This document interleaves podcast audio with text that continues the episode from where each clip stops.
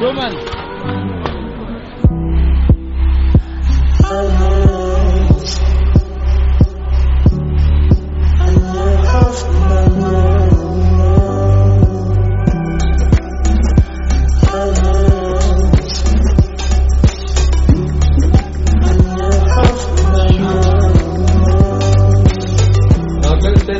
pokal.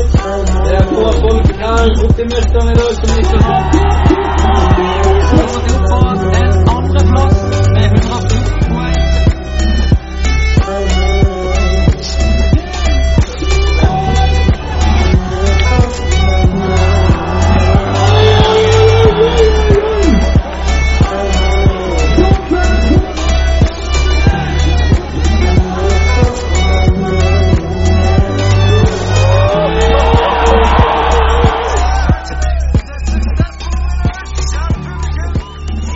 I think everyone made their best and the organizers made a great job clearing the course. Came here with some doubts because it's, I had to defend it, but I managed to do that today, so feeling really happy about it. Uh, it feel, feels unreal. It was uh, it was a tough day. We had some struggles with the speed and stuff, but uh, we managed to figure it out and uh, ended up on the top with uh, two other Norwegians. So couldn't be more happy.